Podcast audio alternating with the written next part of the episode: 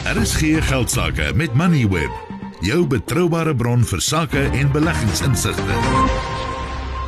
Twee Amerikaanse banke is in verknorsing en word deur die sentrale bank in die FSA gehelp. Vrese rondom die banke en kliënte wat hulle deposito's terugeis, het Vrydag beurse laat terugsak en ook vanoggend hier by ons en in Europa.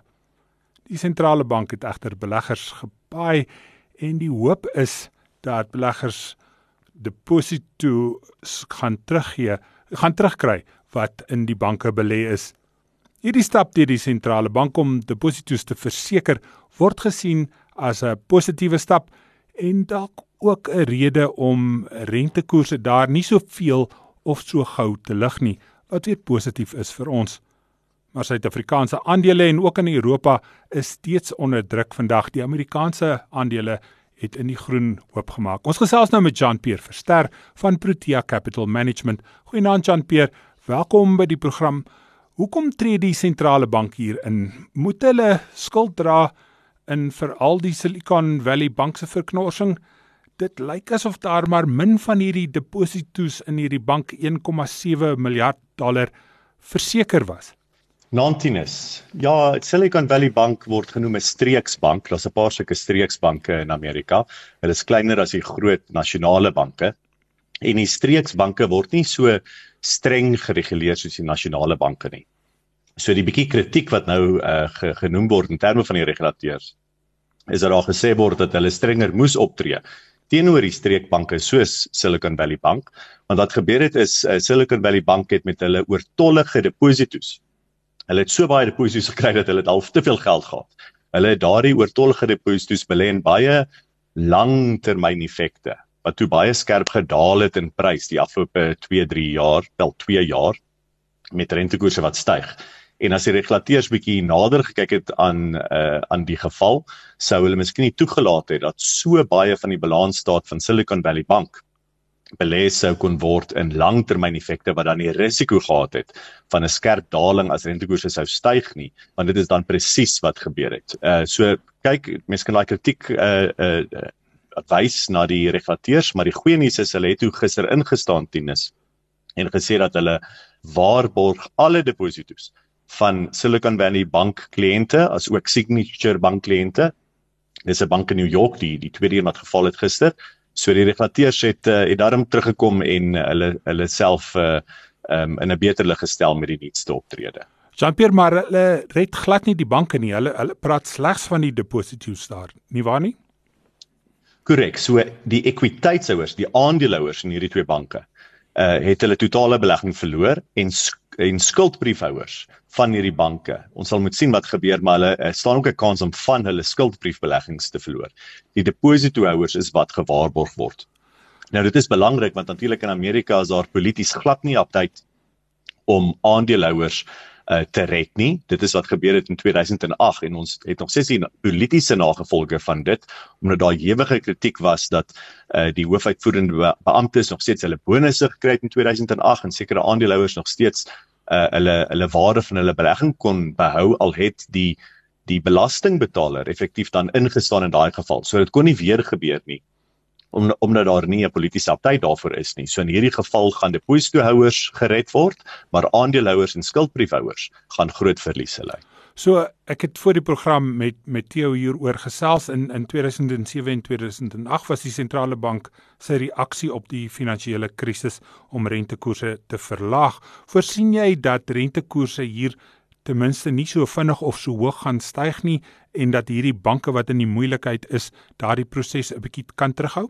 Ja, die rentekoerse sal teen teen nie meer so so styg as wat die verwagting was letterlik net 'n week terug nie, omdat daar nou stres in die finansiële stelsel is. En rentekoerse wat styg kan potensieel verdere stres op die stelsel sit. So daar gaan teen teen 'n bietjie van 'n um, 'n wag en kyk situasie wees van die Federale Reservebank.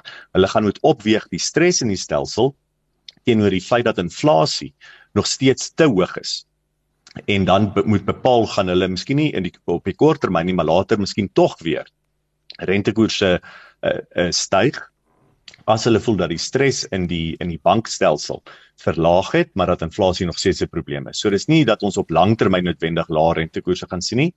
Dit is meer op korttermyn omdat een van die gevolge van die baie vinnige stygings in rentekoerse die afgelope jaar is nou die stres in die bankstelsel wat homself nou uh, tot, tot uh, na vore gebring het. So oor die naweek gister het die sentrale bank eintlik 'n lys van stappe gepubliseer. Is daar enige iets wat 'n uh, 'n wesenlike waarde het of is dit nou maar net om te om beleggers en depositohouers ehm um, 'n bietjie gerus te stel? Dit is om depositohouers gerus te stel want 'n bankkrisis is is amper aansteeklik soos 'n siekte.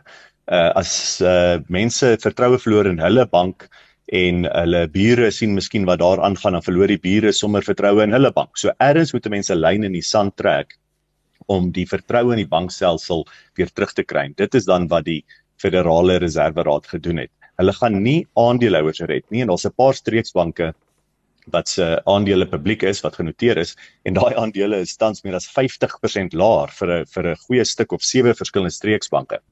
So dit wys dat aandeelhouers nog steeds besef dat dit 'n gestres dat dit 'n stres situasie is vir 'n bank as 'n aandeelhouer, maar depositohouers is veilig van die Federale Reservebank wat gewoonlik net depositos ehm uh, waarborg tot met 250 000 dollar.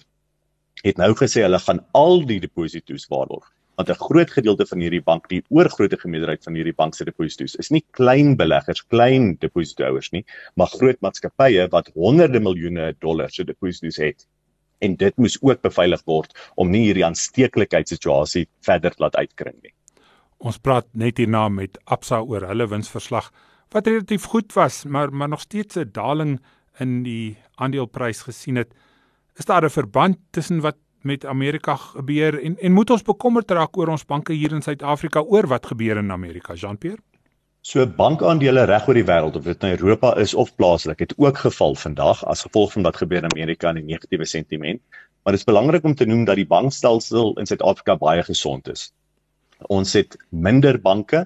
Die banke word baie streng gereguleer deur die uh, Reservebank en dit beteken dat ons bank het nie dieselfde situasie wat in Amerika is waar die oorgrootste meerderheid van die balansstaat word belê in langtermyn effekte wat dan kan daal met met met skerp persentasiepunte nie. So die Suid-Afrikaanse bankstelsel is baie gesond, hoogs gereguleer en ons hoef nie te bekommerd te wees daaroor gegeewe wat in die FSA gebeur het nie.